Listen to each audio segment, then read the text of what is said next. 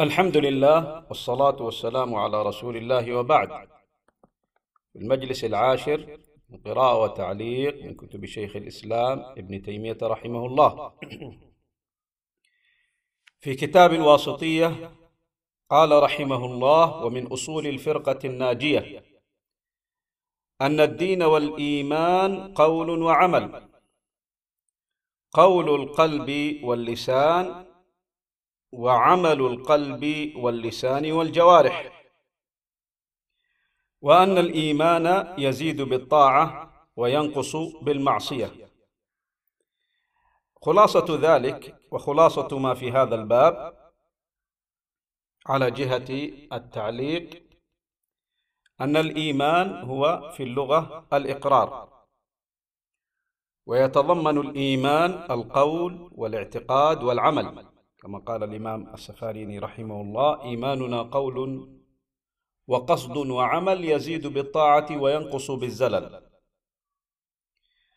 والقول منه ما هو قول القلب وهو إقراره وتصديقه. ومنه ما هو عمل القلب وهو خشيته وتوكله وإنابته ونحو ذلك لله سبحانه وتعالى. هذا بالنسبة لمفهوم قول القلب. فهو الإيمان قول باللسان واعتقاد بالجنان وعمل بالجوارح والأركان.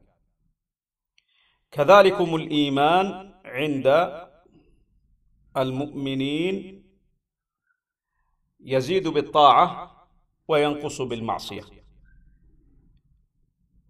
فلا نقول لمن عصى الله بأنه كافر ولا نقول لمن عصى الله بأنه مؤمن كامل الإيمان. فالقولان مخالفان لدلالة الكتاب والسنة. بل نقول في شأن العصاة بأنهم مؤمنون موحدون لوجود أصل الإيمان وإيمانهم نقص بسبب ذنوبهم ومعاصيهم. اذا الإيمان أصلا يتبعض ويتجزأ. قال وهم مع ذلك لا يكفرون أهل القبلة بمطلق المعاصي والكبائر كما يفعله الخوارج. الخوارج يكفرون المسلمين بالكبيرة. بل أخو بل الأخوة الإيمانية ثابتة مع المعاصي.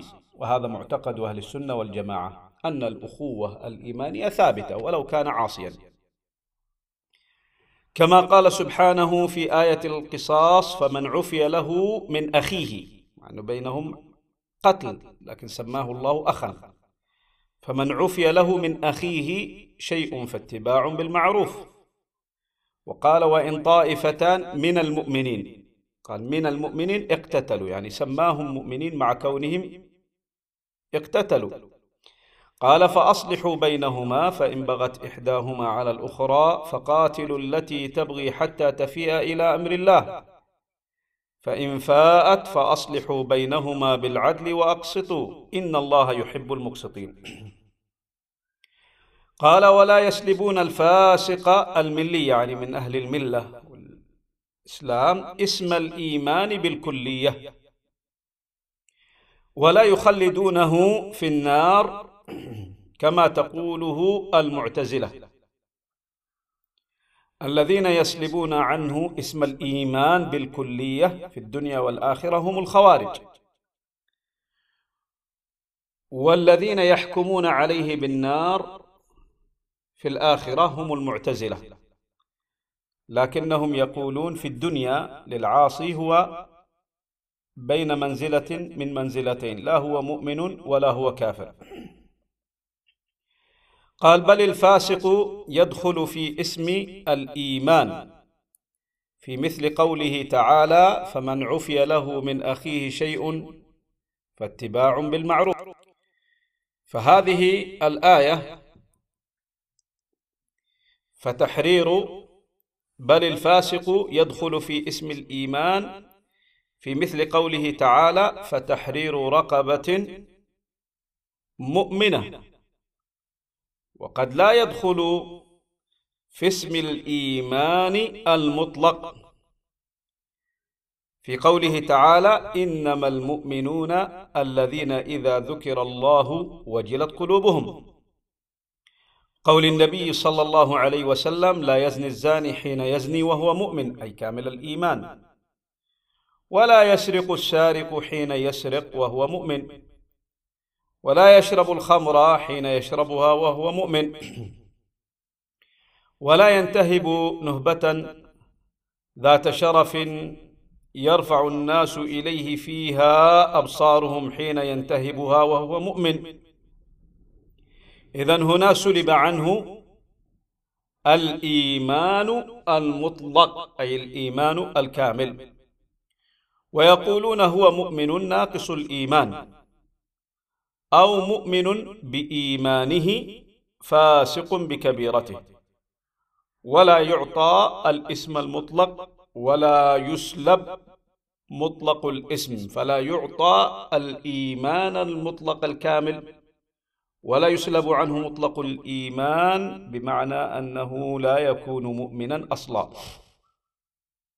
قال ومن أصول أهل السنة والجماعة سلامة قلوبهم وألسنتهم لأصحاب رسول الله صلى الله عليه وسلم كما وصفهم الله به في قوله والذين جاءوا من بعدهم يقولون ربنا اغفر لنا ولإخواننا الذين سبقونا. بالإيمان.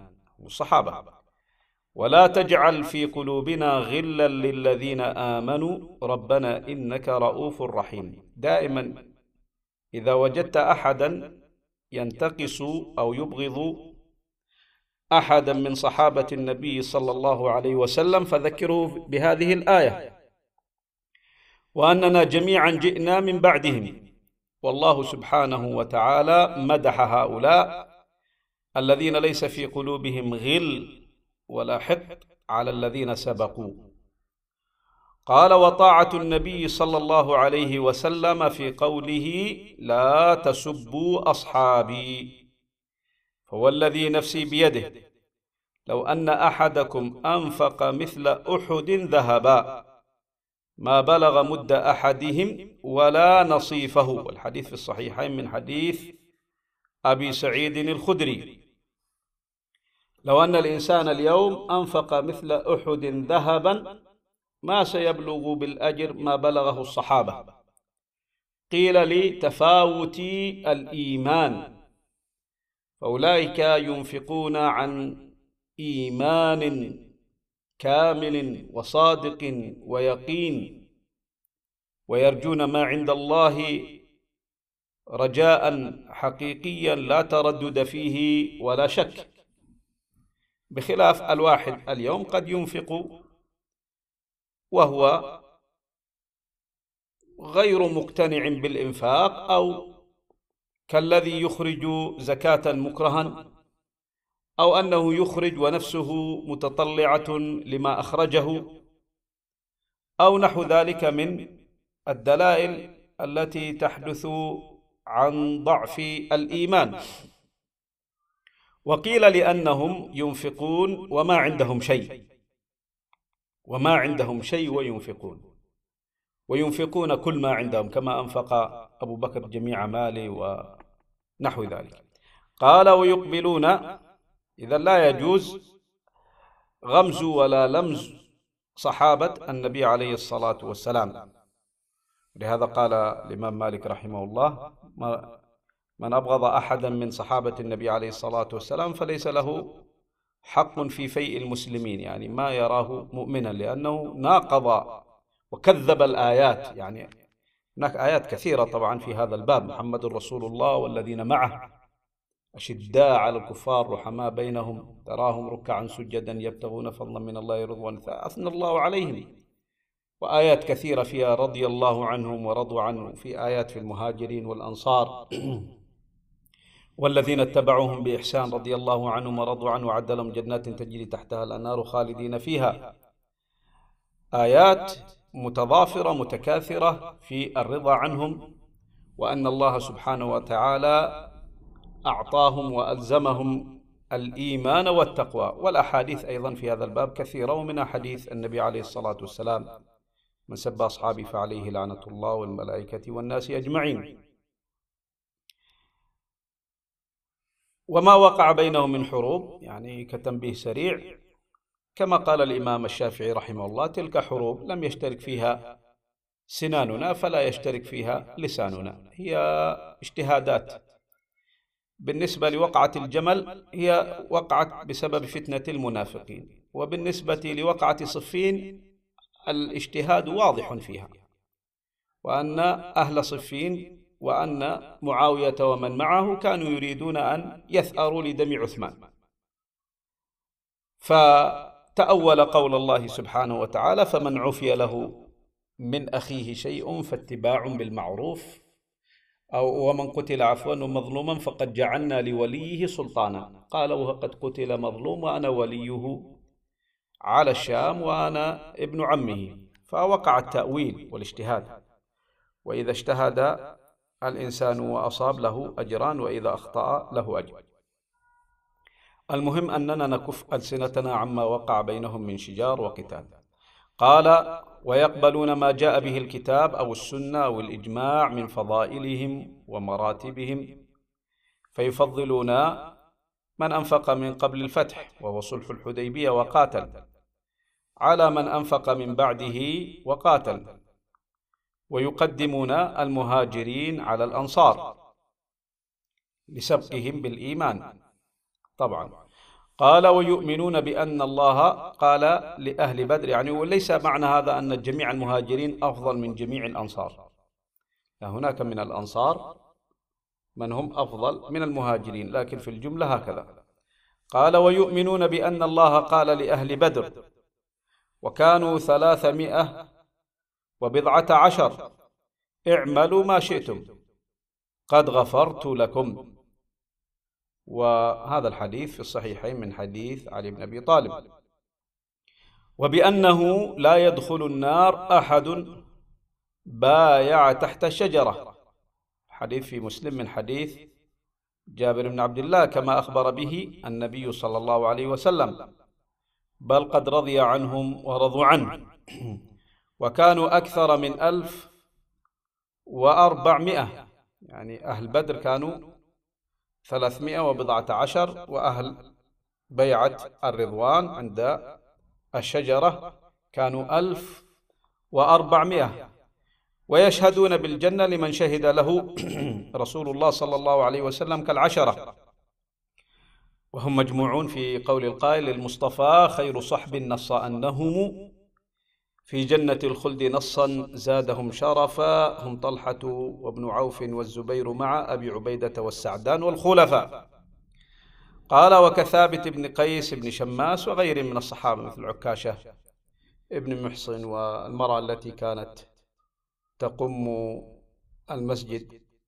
وبلال رضي الله عنه سمع النبي صلى الله عليه وسلم خشخشة نعلي بالجنة وجعفر الطيار ونحو ذلك. لكن لماذا يذكر العلماء العشرة هكذا؟ لأنهم ذكروا في حديث واحد.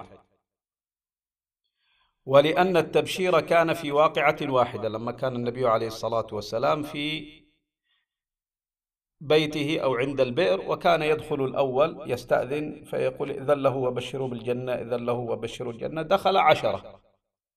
فلهذا يذكرون دائما عشرة ليس من باب أن غيرهم لم يرد فيه أو لم يرد له تبشير بالجنة لا من باب أن هؤلاء العشر ذكروا في حديث وفي واقعة واحدة. قال ويقرون بما تواتر به النقل عن أمير المؤمنين علي بن أبي طالب رضي الله عنه وغيره من أن خير هذه الأمة بعد نبيها أبو بكر ثم عمر. قد قال عبد الله بن عمر وكان يبلغ ذلك النبي صلى الله عليه وسلم ولا ينكره. قال ويثلثون بعثمان على الراجح ويربعون بعلي وهذه المسألة كان فيها خلاف قديم. في مسألة تقديم علي على عثمان. أما مسألة تقديم علي على أبي بكر وعمر فلا. إجماع أهل العلم على تقديم أبي بكر وعمر على جميع الصحابة لكن اختلفوا في شأن عثمان وعلي وفي حائية النبي داود أو ابن أبي نعم قال وقل إن خير الناس بعد محمد وزيراه قدما ثم عثمان الأرجح ورابعهم خير البرية بعدهم علي حليف الخير بالخير منجح. قال كما دلت عليه الآثار وكما أجمعت الصحابة على تقديم عثمان في البيعة مع أن بعض أهل السنة كانوا قد اختلفوا في عثمان وعلي منهم يعني وكيع بن الجراح. وذكر هذا أيضا عن أبي حنيفة وابن حزم. اختلفوا في عثمان وعلي بعد اتفاقهم على تقديم أبي بكر وعمر أيهما أفضل.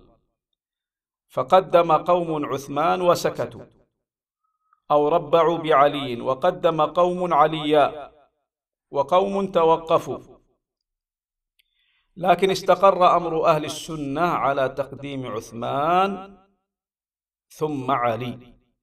وإن كانت هذه المسألة مسألة عثمان وعلي يعني في الأفضلية التقديم في الأفضلية ليس في الخلافة.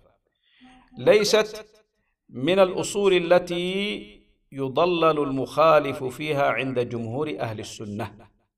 لكن المسألة التي يضلل المخالف فيها مسألة الخلافة. وذلك أنهم يؤمنون بأن الخليفة بعد رسول الله صلى الله عليه وسلم أبو بكر ثم عمر ثم عثمان ثم علي رضي الله عنهم أجمعين. ومن طعن في خلافة أحد من هؤلاء فهو أضل من حمار أهله. نعم. فلا يجوز أن نقول أن خلافة أبي بكر غير صحيحة وعمر غير صحيحة وعثمان غير صحيحة وهكذا علي غير صحيحة. بل خلافة هؤلاء جميعا صحيحة. أبو بكر كان النبي عليه الصلاة والسلام يعني يومئ إليه ويقدمه في الصلاة فعرف الصحابة أنه إذا قدم في الإمامة الصغرى قدم في الإمامة الكبرى مع وجود بقية الصحابة وعهد بها إلى عمر وعمر جعلها شورة ثم لما قتل عثمان رضي الله عنه ويعني عمر جعلها شورة واختار ذلك الصحابة جميعا عثمان رضي الله عنه فلما قتل عثمان وقع الخلاف بين الصحابة وعلي رضي الله عنه هو رابع الخلفاء. لكن الخلاف الذي وقع بين الصحابة ليس من أجل الخلافة وإنما من أجل الثأر لدم عثمان. والذين قتلوه هم الخوارج قتلوه في المدينة وكان في بيته يقرأ القرآن. واستغلوا الموقف والقصة في هذا تطول. قال ويحبون أهل بيت رسول الله صلى الله عليه وسلم. يعني دائما شيخ الإسلام تيمية يعبر أهل بيت يعني ما يوجد شيء اسمه آل البيت. لأن الآل يطلق على إيش؟ على الاسم. أو يطلق على الضمير أو يطلق على الضمير. طبعا هناك خلاف أيضا بين علماء اللغة آله وهكذا يقف. هل يصح أم لا؟ فيه خلاف بين علماء اللغة. وأما آل البيت لا يصح لغة لأن البيت ليس عاقلا وليس اسم علم فلا تقول آل المدينة وإنما تقول أهل المدينة. وهذه المسألة تكلمت عليها في كتاب آه نظرية تفضيل أهل البيت بالجنس أو النسب البطلان الشرعي والفساد العقلي. قال ويحبون أهل بيت رسول الله صلى الله عليه وسلم. لماذا نحبهم؟ لأنهم من جملة الصحابة. ويتولونهم ويحفظون فيهم وصية رسول الله صلى الله عليه وسلم حيث يقول يوم غدير خم أذكركم الله في أهل بيتي أذكركم الله في أهل بيتي. وهذا الفضل يعود لمن؟ لمن يقوم بالوصية. لا الفضل يعود للموصى له. أذكركم الله البيت. كما قال يعني ووصينا الإنسان بوالديه إحسانا واستوصوا بالنساء خيرا. فالفضل لمن يقوم بالوصية في هذا الباب. وهذا لا يدل على فضل أنسابهم أو ذواتهم أو نحو ذلك. فنحن نحب أهل بيت رسول الله صلى الله عليه وسلم كعلي والحسن والحسين والعباس وحمزة. ونبغض من أهل بيت رسول الله صلى الله عليه وسلم أبي لهب ونحوه. فالنسب ليس هو المعيار في المحبة أو في البغض إنما المعيار هو الإيمان. إن أكرمكم عند الله يتقاكم قد قال أيضا للعباس عمه وقد اشتكى إليه بعض قريش يجفو بني هاشم فقال والذي نفسي بيده لا يؤمنون حتى يحبوكم لله ولقرابته. هذا طبعا الأثر في إسناده انقطاع. نعم. وقال إن الله اصطفى إسماعيل واصطفى من بني إسماعيل كنانة. واصطفى من كنانة قريشا واصطفى من قريش بني هاشم واصطفى من بني هاشم. الحديث هو في صحيح مسلم من حديث واثل بن الأسقع. والاصطفاء معناه الاختيار يعني. اختارهم الله سبحانه وتعالى. وهذا الاختيار ليس لفضل النسب أو الذوات كما هو مع تجده عند من عنده سخف في الفهم. وإنما الاصطفاء هذا هو اختيار والله سبحانه وتعالى قد يختار الشيء فيقع كاختيار شرعي وقد لا يقع كما هو حال الاصطفاء لبني إسرائيل فإن الله سبحانه وتعالى اصطفاهم وفضلهم على العالمين لكن بماذا؟ بالعلم والحكم والنبوة. فلما غيروا وبدلوا غير الله سبحانه وتعالى عليهم وصاروا أمة ملعونة.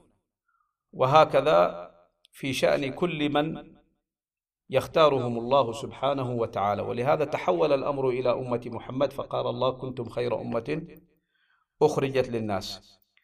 وخلاصة هذه المسألة أننا نحب جميع صحابة النبي صلى الله عليه وسلم سواء الذين هم من الأنصار أو الذين هم من المهاجرين وسواء الذين بشروا بالجنة أو الذين لم يبشروا بالجنة وسواء كانوا من أهل بدر والذين هم ثلاثمائة وبضعة عشر أو كانوا من أهل بيعة رضوان هم ألف وأربعمائة.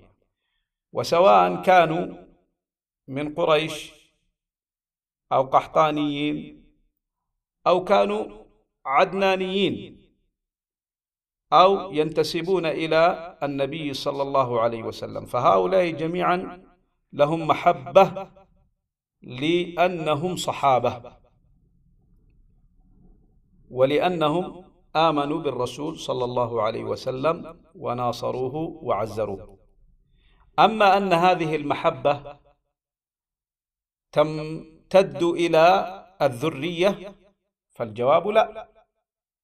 لأنه ورد في شأن الأنصار أن النبي عليه الصلاة والسلام قال فيهم لا يحبهم إلا مؤمن ولا يبغضهم إلا منافق. فلا يصح أن نجعل هذا الحديث أيضا في ذرية الأنصار.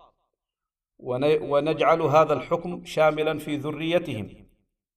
كذلك الشأن في أهل بيت النبي عليه الصلاة والسلام فالفضائل التي جاءت في علي له وفي الحسنين لهما. فلا نجعل هذا أيضا أي الفضائل ونحوها في ذريتهم. إلى هنا وفق الله الجميع لما يحبه ويرضاه.